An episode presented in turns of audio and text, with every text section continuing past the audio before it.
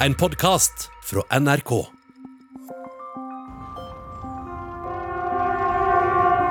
Sist helg gikk strømmen i Irans viktigste atomanlegg. Det var en eksplosjon som førte til strømbruddet, og det iranske atomprogrammet er satt mange måneder tilbake. Men var det en ulykke? Eller var det et vellykka cyberangrep fra israelske agenter? The mission is burned. They're on to you now. Kanskje kan en TV-serie hjelpe oss med å finne svaret. Du hører på Krig og fred med Tore Moland. Og Tove Bjørgaas.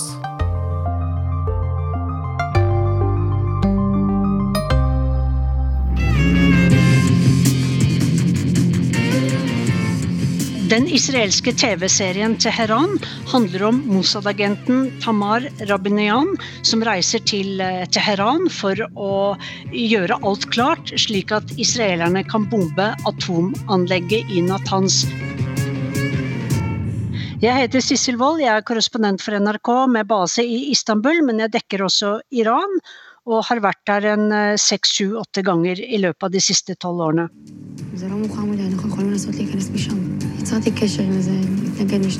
Hovedpersonen heter Tamar Rabinyan, og hun er da eh, født i Iran. Eh, familien dro fra Iran da hun var seks år gammel, men så kommer hun tilbake til Teheran som Mossad-agent.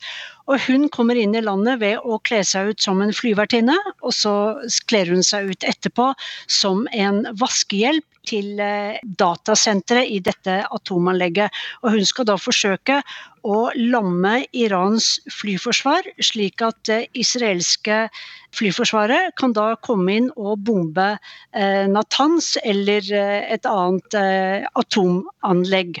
Så dette ligger jo tett opp til virkeligheten, syns jeg. Og hver gang jeg hører at det har skjedd noe mellom Israel og Iran, så tenker jeg at kanskje dette er neste sesong av denne veldig spennende serien Teheran. Ja, det høres jo unektelig ganske, ganske, likt ut. Sissel, fortell, hva var det egentlig som skjedde ved, ved dette store iranske eh, atomanlegget i Natanz? Ja, Bakteppet her er jo at iranere og amerikanere igjen skal møtes til nye samtaler om eh, denne atomavtalen. Og jeg tror at eh, president Hassan Rouhani ville legge litt press på amerikanerne. Og dermed så satte de i gang flere sentrifuger for å anrike uran. Og dette er jo da i strid med denne atomavtalen, ikke sant. De ville, de ville legge litt press på amerikanerne. Men det gikk jo veldig galt, for da ble israelerne, etter det vi tror, da vi tror jo at det er Israel som har uh, utført nok en aksjon her, uh, da ble israelerne veldig opprørt over dette. Eh, og så er det da noen, som kanskje er Israel, som har hacket deler av eh, informasjonssentralen i Natanz-anlegget. Etter det så sa jo iranske offisielle kilder at det hadde skjedd et uhell. Eh, men senere så sa sjefen for eh, det sivile atomprogrammet i Iran, Ali Akbar Salehi, at det var noen som hadde begått sabotasje. At dette var atomkraftterrorisme. Og dermed så så alle mot Israel. Og hva sa Israel da? Den israelske avisen Haaretz, som pleier å være ganske godt informert, de skriver at uh, en um, remotely detonated device, altså en uh, Gud, hvordan sier man det på norsk? En, en, en enhet bombe, eller, En fjernstyrt bombe, ja.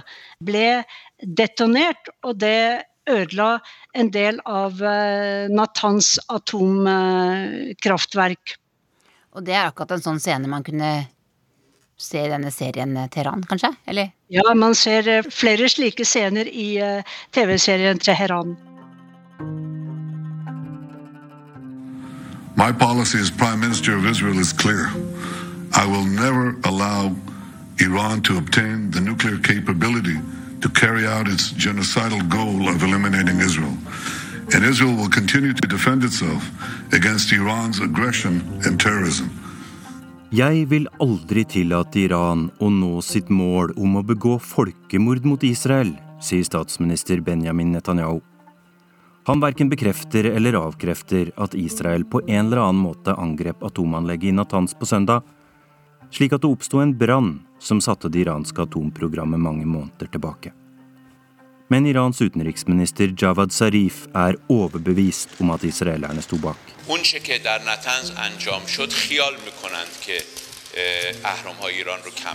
Israel tror angrepet svekker oss, men det gjør oss bare friere til å holde på som vi vil, sier han.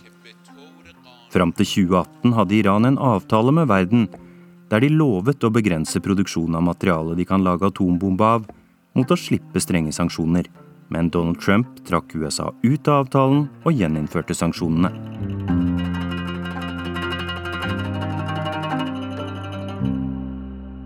Mossad, den israelske etterretningsorganisasjonen, er det også mange som begynner å snakke om når noe sånt eh, skjer. Hvordan jobber de med å rekruttere folk i Iran til å jobbe for seg? I Iran nå så er det mye økonomisk nød, og det er stor, eh, stor misnøye med regimet.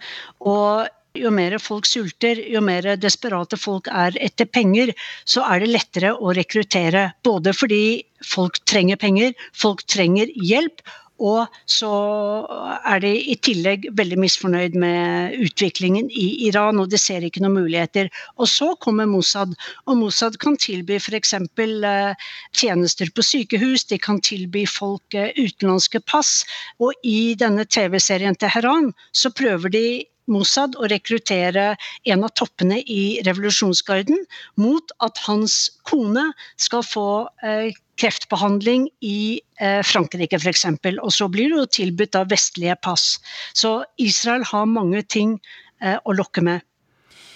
Vi tenker jo ofte på Israel og Iran som bitre, bitre fiender.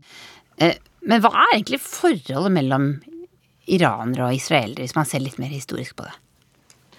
Eh, historisk så har jo Iran et av eh, verdens eldste jødiske samfunn, Persia. Jødene kom til Persia under Kyros den store, og da snakker vi om altså 500 år før Kristus. Dette er et gammelt jødisk samfunn, og før revolusjonen, under sjahen, så hadde jo Israel og Iran nære forhold. Og jeg tenker jo ofte på hvor like iranerne og israelerne er hverandre. De bor i Midtøsten, men ingen av folkene er arabere. Israelerne er jo for det meste jøder, iranerne er persere. Og, og, begge er nok litt misfornøyd med sitt forhold til den arabiske verden. Eh, og i tillegg så er begge landene langt fremme når det gjelder eh, vitenskap, forskning, kultur. Men det er klart, landene, statene, er bitre, bitre fiender. Men det som er interessant, er at det er 140 000 israelere som er født i Iran. Og en av dem, han heter Meir, han er en kommentator som er iransk jøde. Jeg tror du også har snakka med han før, Sissel. Eh, han har jeg også snakka med, han bor altså nå i, i Israel.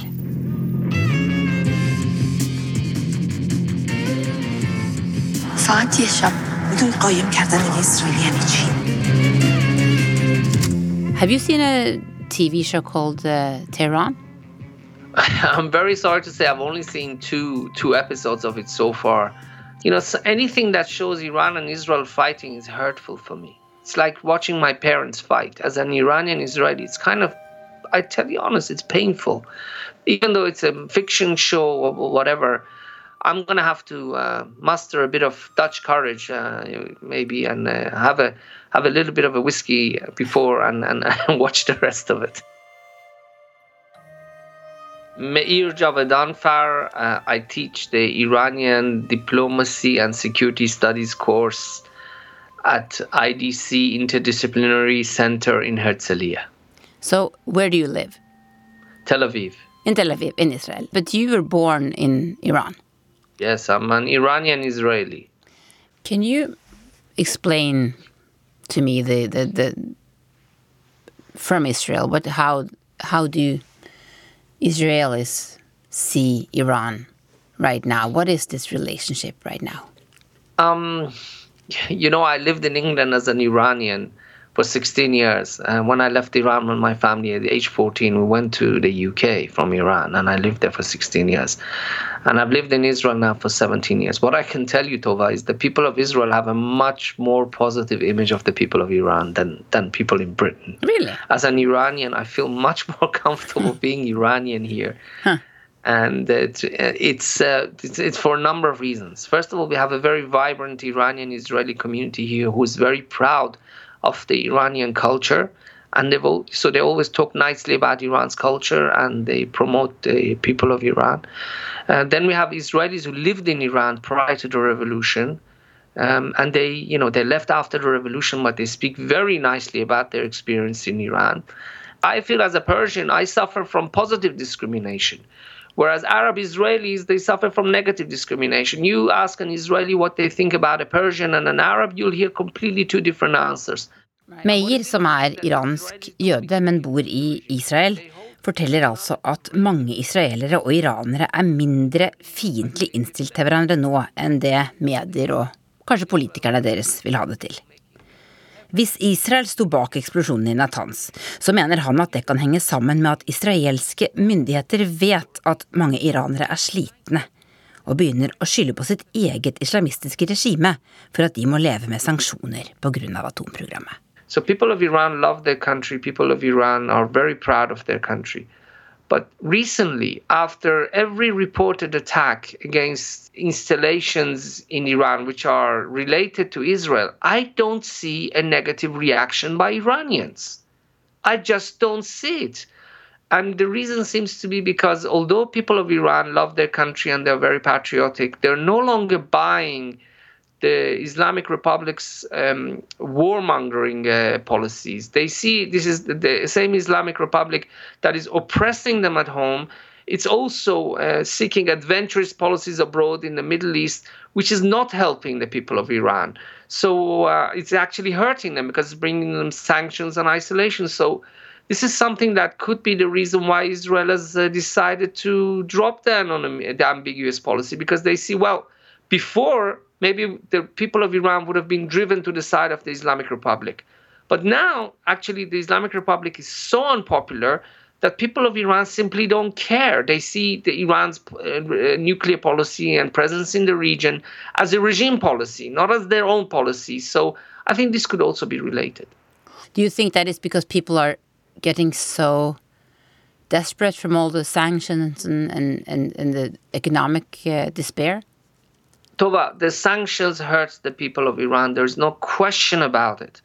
But if you were hopefully one day, if you visit Tehran and you speak to the residents of Tehran and you ask them after 40 years of 42 years of Islamic Republic, who is responsible for Iran's isolation in the world? Who is responsible for these sanctions? I think you're more likely to hear that they're going to say our own leaders more than they're going to say America. Iran cannot walk away from the nuclear deal because Iran's uh, economy is doing terribly. And also, the regime is so unpopular. If it walks away from the nuclear deal, people are going to become furious.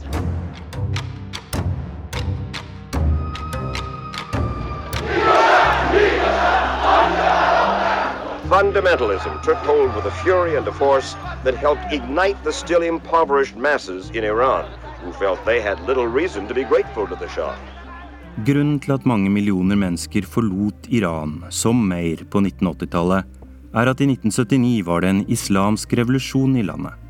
Et prestestyre ledet av Ayatollah Khomeini overtok makta, og de ansatte på den amerikanske ambassaden ble holdt som gisler i 444 dager. I USA har mistroen mot Iran vært sterk blant mange siden den gang. Og da USA, Russland, EU og Kina sammen fikk en atomavtale med Iran i 2015, var det viktig for verdensfreden. Nå må avtalen vekkes til live igjen, og forhandlingene om dette begynte bare noen dager før eksplosjonen i Natanz. Det hvite hus avkrefter at de har noe med sabotasjeaksjonen å gjøre. We, of course, have seen the reports of the incident uh, at the Natanz enrichment facility. The U.S. was not involved uh, in any manner. Når du hørte om denne brannen i Natanz, altså ved dette atomanlegget i Iran, eh, hva tenkte du da? Jeg tenkte at eh, det går en linje derifra og ti år tilbake i tid, til slutten av 2009, eh, da det ble iverksatt et cyberangrep mot det samme anlegget i, i Natanz. Det var et samarbeidsprosjekt mellom USA og, Israel. Det ble prøvd ut, testet grundig på forhånd. Kanskje i USA, kanskje i Israel, mest sannsynlig begge deler, med medvirkning fra Siemens. med eller uten bedre vitende. Fordi at det iranske kontrollsystemet i Natanz bygde på Siemens teknologi. Og bortimot 1000 sentrifuger, eller en femtedel cirka, av kapasiteten i anlegget den gangen, ble ødelagt. Jeg heter Sverre Loddgaard, tidligere direktør på Norsk utenrikspolitisk institutt, hvor jeg fortsatt har kontor og jobber. Og hvor du har jobbet med Iran i mange år? Det har jeg gjort ganske lenge, i utgangspunktet fordi at eh, spredning av atomvåpen har vært et av mine interessefelt.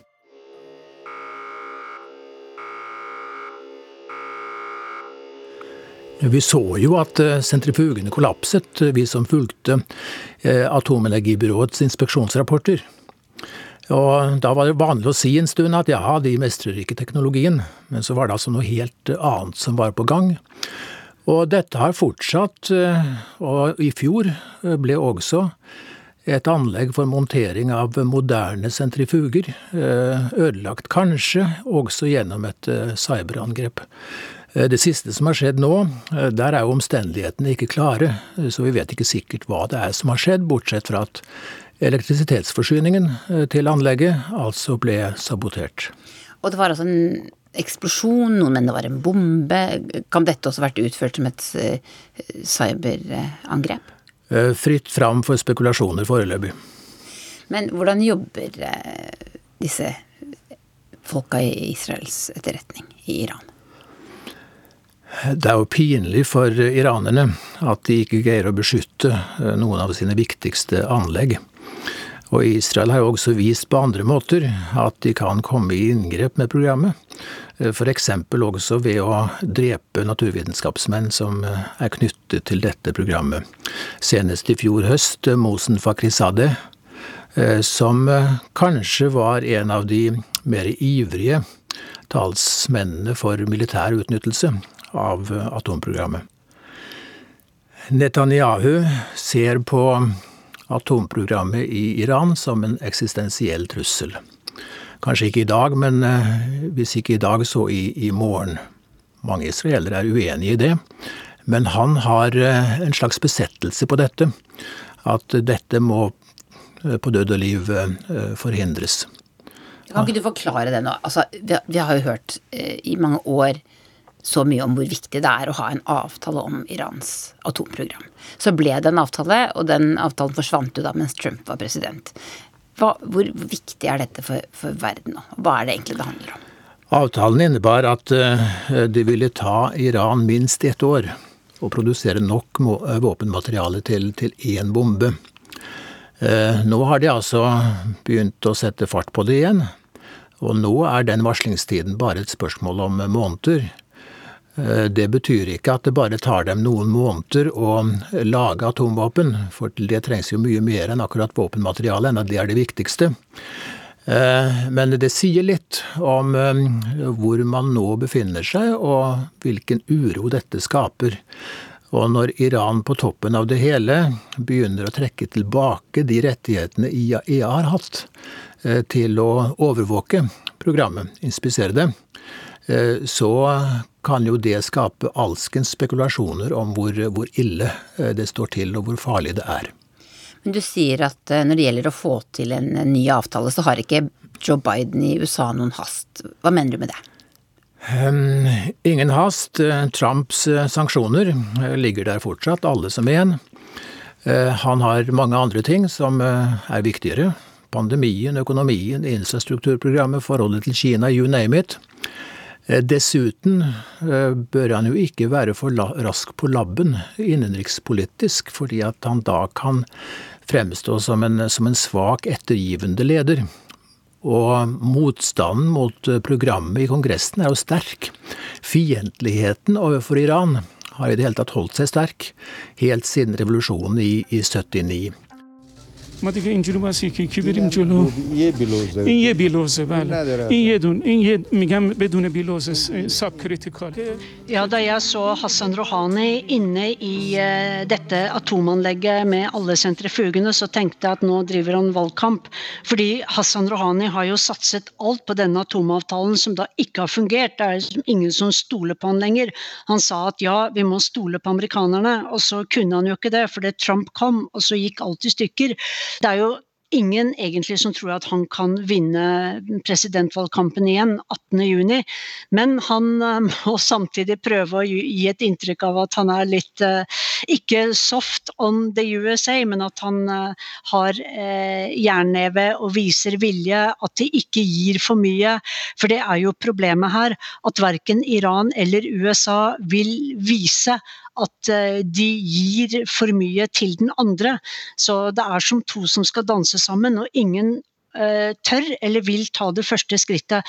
Så Hassan Rouhani har tapt veldig mye politisk eh, støtte, han og de såkalt moderate. Og det er bare hardlinerne og revolusjonsgarden som har vunnet på at Donald Trump trakk USA ut av atomavtalen.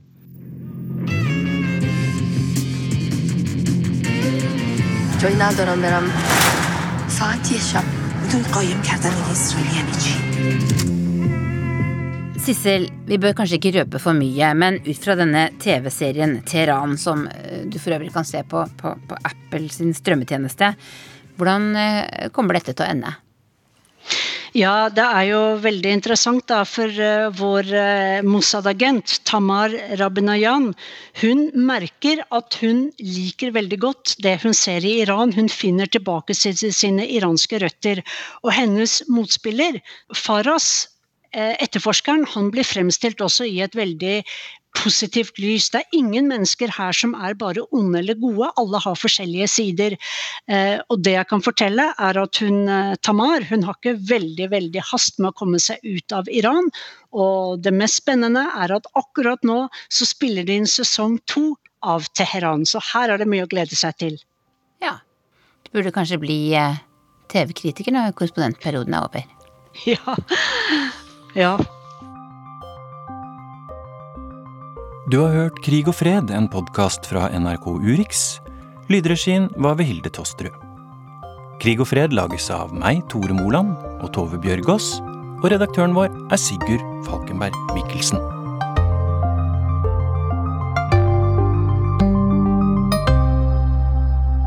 Du har hørt en podkast fra NRK. Hør flere podkaster og din favorittkanal i appen NRK Radio.